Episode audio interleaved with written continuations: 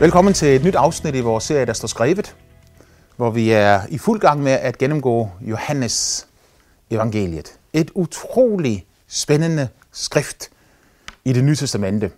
Og et skrift, hvor Jesus han bliver fremstillet langt mere personligt, end han gør i nogle af de andre evangelier. Det nye testamente har fire evangelier. Jeg møder sommer til nogle mennesker, som siger, at der er så store Øh, øh, øh, der er så mange fejl i Bibelen, og og der er så stor forskel på disse evangelier, fordi den ene, han fortæller noget om Jesus, som den anden fortæller på en lidt anden måde. Og så siger de her mennesker, det kan ikke være rigtig begge ting. Men selvfølgelig kan det være rigtig begge ting. Det er som disse fire evangelister, apostle, eller apostellærlinge, som har skrevet disse fire evangelier. Øh, de er som fire kunstmalere, der maler hver deres portræt af et menneske og at de i deres kunstneriske evne, en er mere optaget med hovedet, og en er mere optaget med armen, og en lægger mere vægt på håret. Øh, det betyder jo ikke, at der er en modsætning imellem dem. Det betyder bare, at de afspejler den virkelighed, de ser med deres øjne. Og Gud våger over det, mens det bliver skrevet ned, så når det er blevet skrevet ned, så øh, er det også, som Jesus siger om det gamle testamente, Guds ord, øh, som er givet fra himlen som en gave til os, for at vi skal lære Gud at kende. Og blandt disse fire evangelier, så er Johannes altså den, som på den mest personlige måde fremstiller Jesus for os. Fordi han dykker ned i, i, øh, i øh, Jesu personlige relationer til mennesker, han møder på sin vej. Han gengiver personlige samtaler, som Jesus har med enkeltpersoner, og han gengiver nogle af de taler, som Jesus holdt til folkeskarne, hvor han går mere i detaljer, end nogen af de andre evangelieforfattere gør. Johannes er meget optaget med at øh, bringe os til tro på, at Jesus er Guds søn. Og at vi, når vi tror, at Jesus er Guds søn, skal have liv i hans navn. Og hvis du er en af dem, som følger med i det her program, så har du hørt mig sige det her mange gange før. Og jeg bliver ikke træt af at sige det, at hele hensigten med at lytte til Guds ord, hele hensigten med at forstå, forsøge på at forstå, hvad det er, som står skrevet, det er, at livet skal begynde at boble og vokse frem inden i det enkelte menneske, og vi skal få et mere fuldt liv og et mere helt liv. Øh, når Gud først har givet livet til os, så ønsker han, at det skal vokse op i vort liv, og vi skal leve et liv i kærlighed, glæde, sandhed, retfærdighed og frihed. Det er ganske enkelt Guds eget liv kommet ind i vores liv. I dag er vi nået til øh, Johannes evangelium, det 6. kapitel, hvor, øh, som begynder med, at øh, Jesus han drog over på den anden side af Galileasøen, og det var en stor folkeskar, som fulgte ham. Og Bibelen siger, det gjorde de på grund af alle de tegn, som de så Jesus gøre på syge. Vi har kun fået nogle øh, få af disse tegn at øh, se i, øh, Johannes evangelium. Indtil nu faktisk øh, har Johannes kun gengivet to konkrete mirakler, som Jesus har udrettet på syge mennesker. Den ene øh, udretter han i Kana i Galilea, hvor en kongelig embedsmand kommer til ham og siger, min søn ligger der hjemme og er ved at dø. Og der taler Jesus til denne kongelige embedsmand og siger til ham, gå hjem, for din søn lever. Manden tror det ord, Jesus siger, og så går han hjem, og så finder han ud af, at hans søn var blevet rask netop i den time, hvor Jesus han udtalte ordene, gå hjem, din søn lever. Øh, og det andet mirakel, vi læser om med syge, er, når Jesus han i helligdommen går hen og finder en mand, der har været lam i 38 år, og spørger ham af, vil du blive rask? Manden bliver vældig forvirret, fordi at han øh, ikke har fået sådan et spørgsmål før, og han prøver på at forklare Jesus, hvorfor han ikke kan blive rask. Men det er som om Jesus bare ignorerer al hans modstand der, og så siger han til ham, stå op, tag din seng og gå. Han beder ganske enkelt manden om at gøre noget, der er fuldstændig umuligt, men i det øjeblik, han begynder at reagere på det, fordi Jesu eget nærvær med stor sandsynlighed var så stærkt, at øh, troen og håbet sprang op i mandens hjerte, og han begyndte at gøre, hvad Jesus siger, og han fik sin fulde førlighed tilbage igen. Men øh, når stor folkeskar fulgte ham, så var det ikke kun på grund af disse to mirakler, fordi Jesus gjorde massevis af andre. Han gjorde mirakler og tegn over som ikke engang er nedskrevet i Bibelen. For Johannes han slutter sit evangelium med, med at sige, at hvis alt det, Jesus har gjort, skulle fortælles i enkeltheder, så mener jeg ikke, siger Johannes, at hele verden så kunne rumme de bøger, der måtte skrives. Øh, hvis alt det, Jesus har gjort, skulle beskrives i enkelhed, hvis det skulle beskrives, hvilke mennesker Jesus mødte, hvilke mirakler han gjorde i deres liv, når han øh, gjorde kreative, skabende mirakler og lod lemmer vokse ud, som var faldet af kroppen, og helbredte spedalske, opvagte døde, gav blinde deres syn igen, og alle de mirakler, han har gjort, hvis det skulle fortælles i enkeltheder, så er det så overvældende, siger Johannes, at jeg vil aldrig nogensinde blive færdig med at fortælle alle enkeltheder om det. Øh, folk var selvfølgelig optaget med det her, så mange fulgte ham på grund af de tegn, han havde gjort. Så Jesus går så op i bjergene og sætter sig der sammen med sine disciple, og øh, på grund af påsken, så er det ekstra mange folk, der, der er ude. Og når de kommer hen imod Jesus, og de, Jesus og hans disciple ser en stor folkeskar, som kommer hen imod dem. Vi får faktisk at vide, hvor stor den folkeskar er, for det var omkring 5.000 mænd, står det her i Johannes evangelium. I andre evangelier står der, der var 5.000 mænd, for uden kvinder og børn. Og hvis der var én kvinde og et barn for hver mand, så snakker vi om 15.000, og hvis der var flere børn for hvert ægtepar, så snakker vi måske om 20.000 mennesker. Men der var et meget stort antal mennesker, som kom hen for at høre Jesus tale. Når de kommer, så vender Jesus sig om til en af sine disciple, Philip. Og han siger til ham i vers 5, altså Johannes evangelium kapitel 6 og vers 5. Hvor skal vi finde brød, så alle disse kan få noget at spise? Det fortæller mig en hel masse ting om Jesus. Han øh, følte, at når de her mennesker kom til ham, så måtte han tage hånd om dem. Øh, når mennesker kommer til Jesus, så er han ikke bare ligeglad, og han siger ikke bare, at det er dit eget problem, om du har penge, om du har mad, om du har tøj og klæde dig i, men Jesus føler sig forpligtet til at hjælpe. Og han siger til en af sine disciple, og det er faktisk eneste gang, hvor vi læser, at Jesus han spørger et menneske om råd og vejledning. Han siger til en af sine disciple, Philip, hvor skal vi købe mad nok til så mange tusinde mennesker?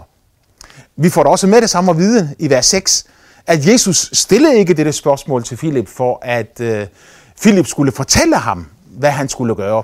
For Jesus vidste selv, hvad han ville gøre. Men han stillede Philip dette spørgsmål for at sætte Philip på prøve.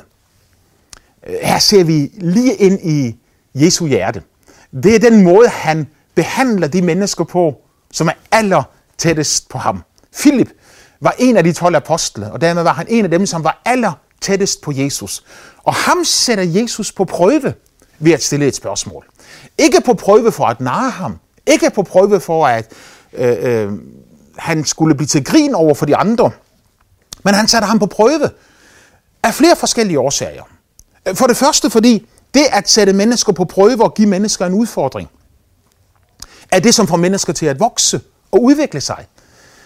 Hvis ikke, øh, hvis du går til styrketræning, hvis ikke du lægger mere vægt på vægtstangen, mens ugerne og månederne går, så bliver du aldrig stærkere. Men efterhånden, som du har løftet disse stange, disse stænger, øh, hvad det nu hedder, vægte, efterhånden som du har løftet dem tilstrækkeligt mange gange, så øh, det der i begyndelsen var svært for dig, det bliver vældig enkelt for dig, når du har gjort det nogle gange, og så må du have mere vægt på.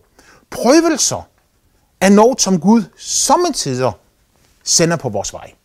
Jeg siger sommetider, fordi at øh, der kommer prøvelser, der sker ting og sager med mennesker, som ikke stammer fra Gud, men som fjenden har lagt ind, i vort, ind på vores vej, for at få os til at falde og snuble, og eventuelt også miste troen på den levende Gud. Øh, det er faktisk ganske interessant, at i det græske sprog, som jo ellers er et enormt rigt sprog, øh, så det ord, som ofte oversættes med prøvelser i Bibelen, øh, kan også oversættelse, oversættes med fristelse.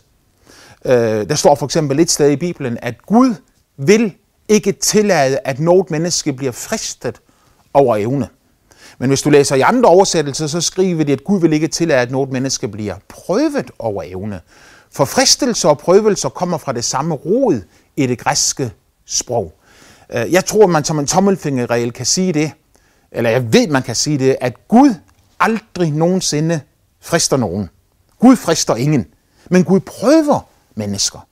Den store forskel er, at fristelse det er noget, der skal bringe dig til fald, mens prøvelse det er noget, der skal få dig til at vokse og udvikle dig. Øh, når Gud sender en prøvelse på et menneskes vej, så kommer djævlen og forsøger på at forvandle denne prøvelse til en fristelse. Det ses allerede i Edens have.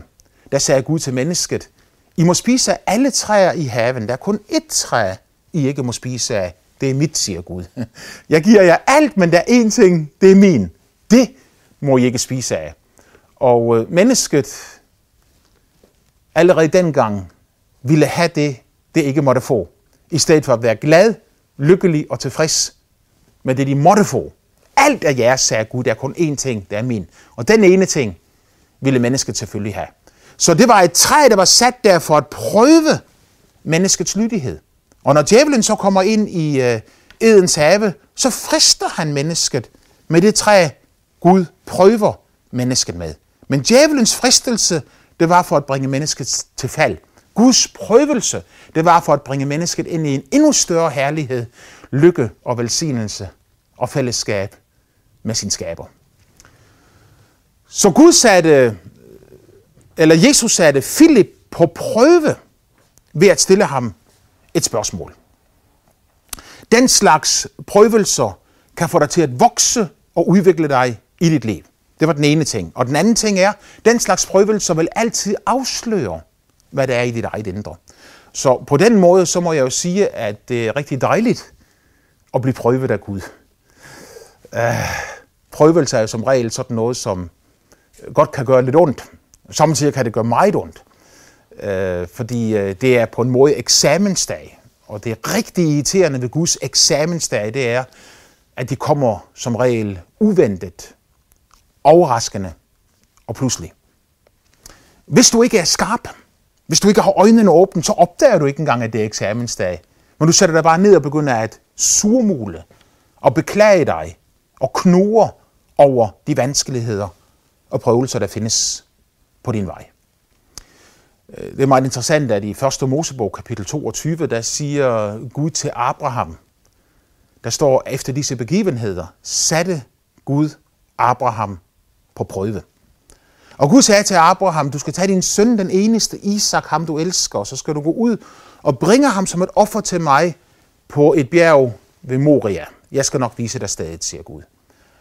Øh, Abraham kunne have reageret sådan, som mange af os ville reagere i sådan en situation, og så sige, at øh, du har givet mig en søn, Gud, han er et løftesbarn, øh, han, er, han er givet mig som et mirakel, og nu siger du til mig, at jeg skal gå og ofre ham. Øh, det forstår jeg ikke, så giv mig en forklaring, så skal jeg nok gøre, hvad du siger til mig.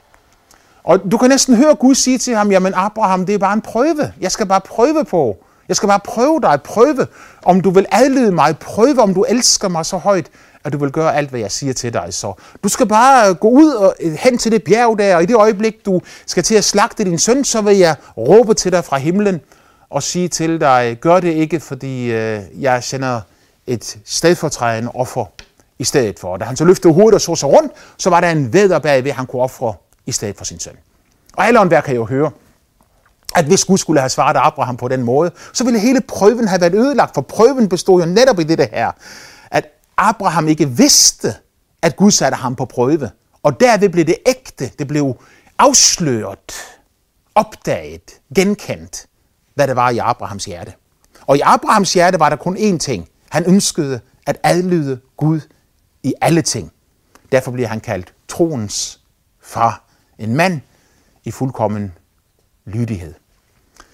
Her sætter Jesus Philip på prøve. Og når Gud sætter os på prøve, så er det for, at det skal blive åbenbart, hvad det er i vort indre menneske, så vi kan blive klar over, hvor vi er henne, hvilken tilstand vi er i. Og når vi kender vores egen tilstand, så kan vi også begynde at arbejde på det, og vi kan bede om hjælp til at komme ud af ting, som er forkerte, og komme ind i ting, som er rigtige. Gud prøver os, for at vi selv skal se, hvad der bor i vores hjerter. Så når Jesus siger til Philip, hvad, hvor skal jeg få mad fra til alle de her mennesker, så begynder Philip ligesom at lade regnemaskinen køre op i hovedet. Og han siger, for 200 denar, altså øh, den løn, der svarer til det, man får i løbet af en 8-9 måneder. Øh, så meget brød er ikke nok til, at hver af dem kan få bare en lille smule.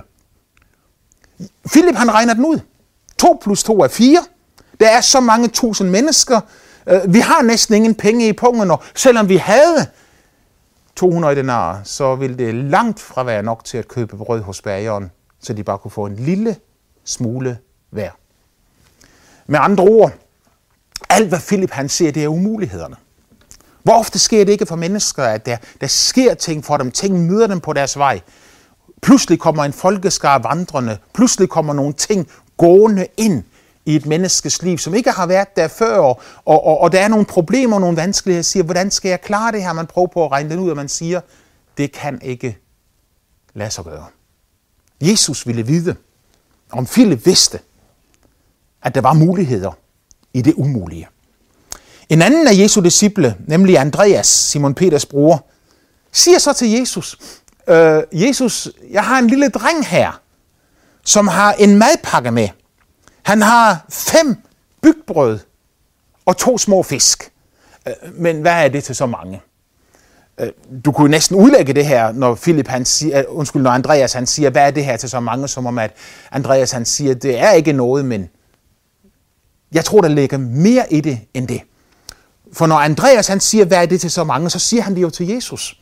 Når Andreas han siger, hvad er det til så mange, så tør han jo trods alt at tage denne lille portion mad, og så lægger han den foran Jesus, og så siger han, Jesus, her er hvad jeg har, hvad kan du gøre med det? Jeg er dybt overbevist om, at min Gud, han er miraklernes Gud. Og når Jesus, han hører det her, så siger han, lad folkene sætte sig ned. Og de satte sig ned, og Jesus tager den lille drengs madpakke, som han velvilligt har givet til Andreas, som Andreas har givet videre til Jesus. Han tager den lille drengs madpakke. Han takker Gud for et mirakel. Og så begynder han at dele brødet ud og giver lidt til den ene disciple, og lidt til den anden disciple, og lidt til den ene, og lidt til den anden, og lidt til den ene, og lidt til den anden. Og disciplene de deler ud til tusindvis af mennesker, som alle sammen spiser så meget, som de ville have, står der.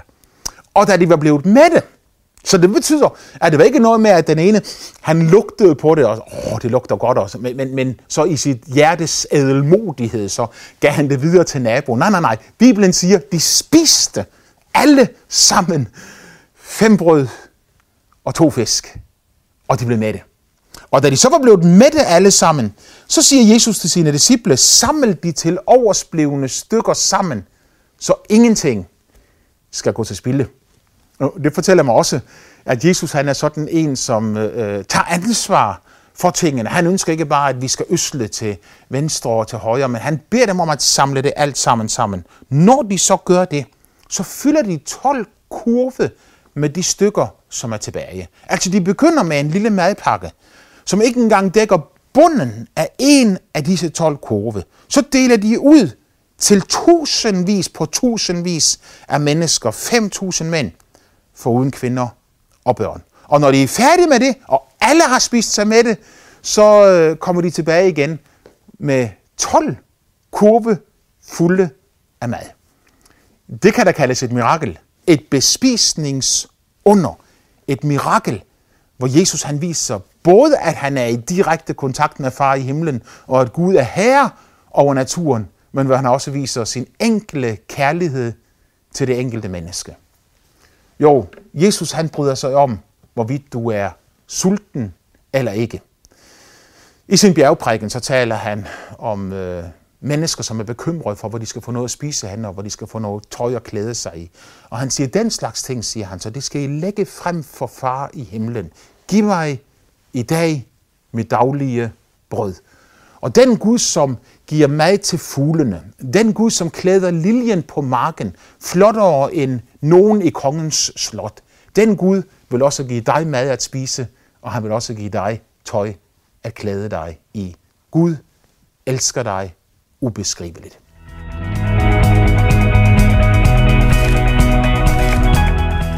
Jeg har hørt mennesker sige, at Jesus kom tilbage med 12 kurve, fordi at disse 12 apostle, som hjalp ham med at dele maden ud, de skulle så få en kur hver. Og det ved jeg ikke noget om. Det er da en fin tanke, men faktisk så tror jeg, at den lille knæk, der havde madpakken, han fik al maden med sig hjem bagefter. hvilken rigdom det er at tjene Gud. Og Gud bliver aldrig nogensinde noget menneske noget skyldigt. Det lønner sig at tro på Gud. Jeg siger ikke, at du skal være udregnende. Jeg siger bare, at hvis du følger Jesus, hvis du tror på Jesus, hvis du gør ham til herre i dit liv, og hvis du tager det lidt, du har, og giver til ham, og siger til ham, herre, men hvad er det til så meget, til så mange? Så vil han gøre et mirakel, også i dag, ind i dit liv. Og han vil mangfoldiggøre det lidt, du har, så det bliver nok ikke bare til dig selv, men til mange andre omkring dig. Dette mirakel gjorde Jesus. Øh, og så, øh, da han var færdig med det, øh, så blev folkene så begejstrede, at de først taler om ham som en profet, og bagefter begynder at tale om at gøre ham til konge. Jeg synes, det er meget symptomatisk. Øh, hvad vil skarne have? Hvad vil folket have? Jamen, de vil have brød. De vil have tøj. De vil have det materielle. Det er det, de er så optaget med. Da Jesus gjorde miraklet bespisningsunderet, så ville de gøre ham til konge.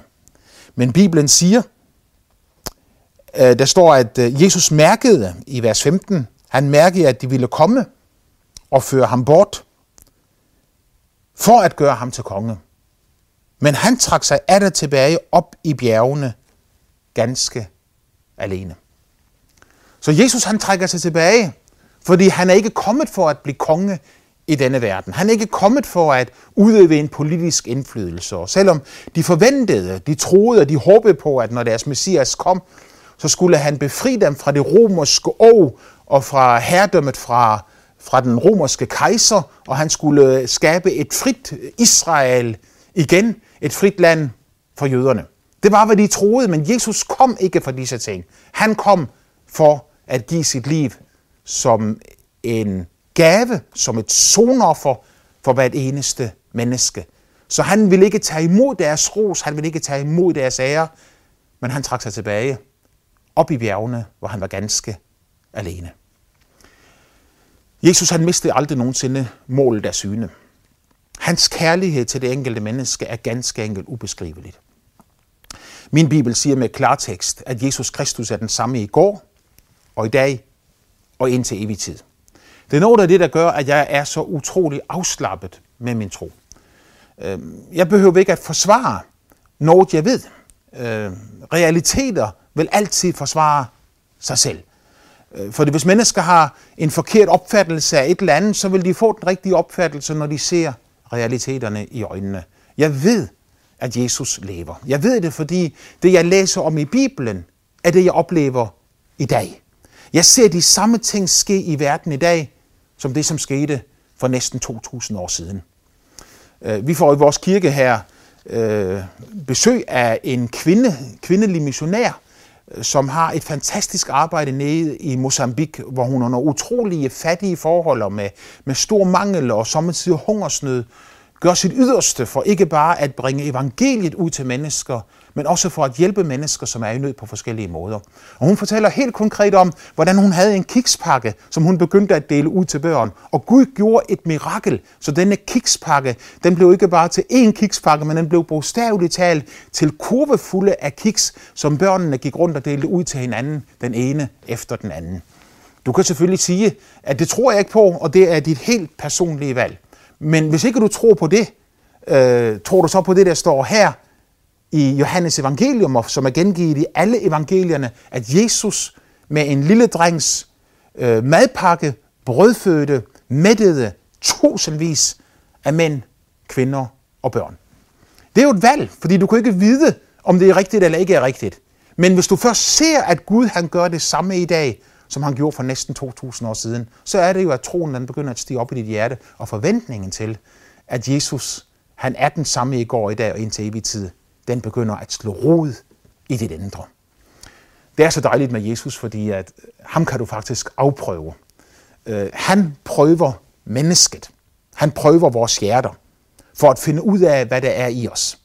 Vi har også lov til at prøve ham. Vi kan være som Philip, en, øh, en, en beregnende, kalkulerende pessimist, som sagde, der er ingen muligheder her. Eller vi kan være som Andreas, en opfindsom, positiv mand, som havde en idé og en tanke om, at hvis jeg bare kommer med det lidt, jeg har til Jesus, så kan Jesus gøre et mirakel her. Det vil Jesus også gøre for dig i dag i det 21. århundrede. Han lever, og han elsker dig med en ubeskrivelig kærlighed. Hvis du tror det, skal du få lov til at opleve Guds kraft i dit liv. Må Gud velsigne dig.